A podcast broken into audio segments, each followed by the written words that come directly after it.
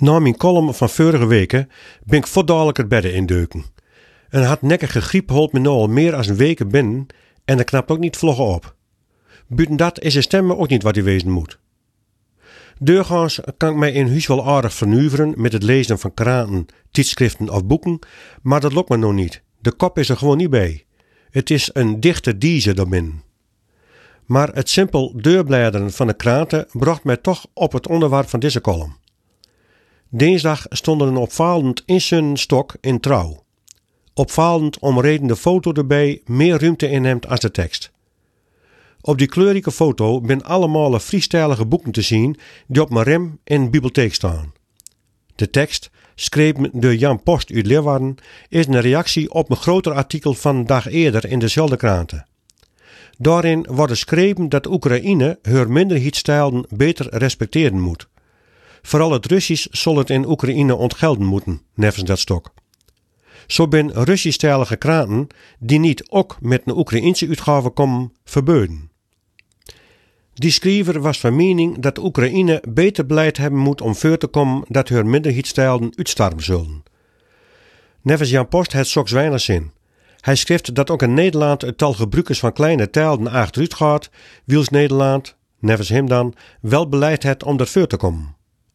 Post schrift het achteruitgaan van kleine tijlen toe aan meer en meer mensen van buiten. Hij noemt ze daarom ook buitenmensen, die haar massaal verspreiden over de minderheden. Hij stelt dat bij starfte in de dorpen de huizen door die buitenmensen opkocht worden, waardoor niet meer de eigen lokale taal, maar een meestal lelijke vorm van algemeen beschrijft Nederlands de overhand krijgt. Post zegt heel best te begrijpen waar die andere schrijver op doelt als die Oekraïne vraagt om beter omdenken te hem voor haar streektijlen.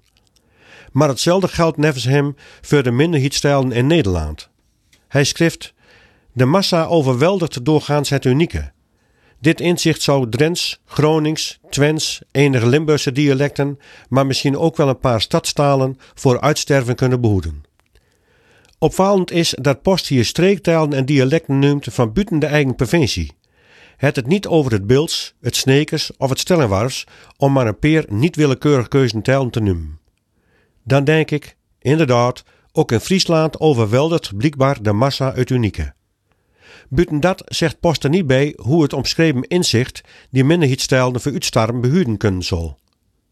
Nevens mee komt die bedreiging niet van de Hollanders die hier de huizen opkopen. Vorige week zei een vrouw mee dat mijn tuin elk jaar groter wordt. Nou, de wereld wordt nevens mij dergelijks kleiner. Door alle media ben we verbonden met mensen van over de hele wereld, eten we wereldgerechten en komen de kinderen bij met buitenlandse woorden op de proppen die ze van de televisie of computerspulletjes oppikt hebben. Maar, ergens in het zuiden van onze provincie huist een dapper volk in dat dit jaar precies 50 jaar werkt aan het beschrijven, het uitdregen en het zo mogelijk behouden van de streekeigenen en dan vooral ook de tijl. En nee, het is niet zoals bij Asterix en Obelix een Gallisch volking, hoewel ze in die 39 dorpen bij tijden al erg gallig worden kunnen van het beleid dat de eigen gemeentelijke of provinciale overheid erop naholt.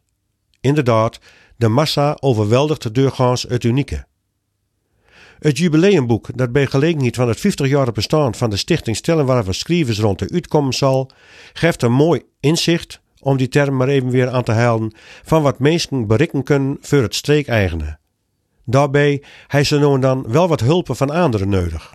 Van mensen begelijks die ook binnen de eigen provincie ombedenken hebben voor de minderheden. Daarom ben ik de omroep dankbaar dat ze mij gelegenheid bieden om wekelijks het Stellenwarfs over de heer te brengen. Bij de omroep geeft de massa juist ruimte voor het unieke. Dat is democratie en dat is heel mooi. Zo, en nu duik ik mijn neus weer in.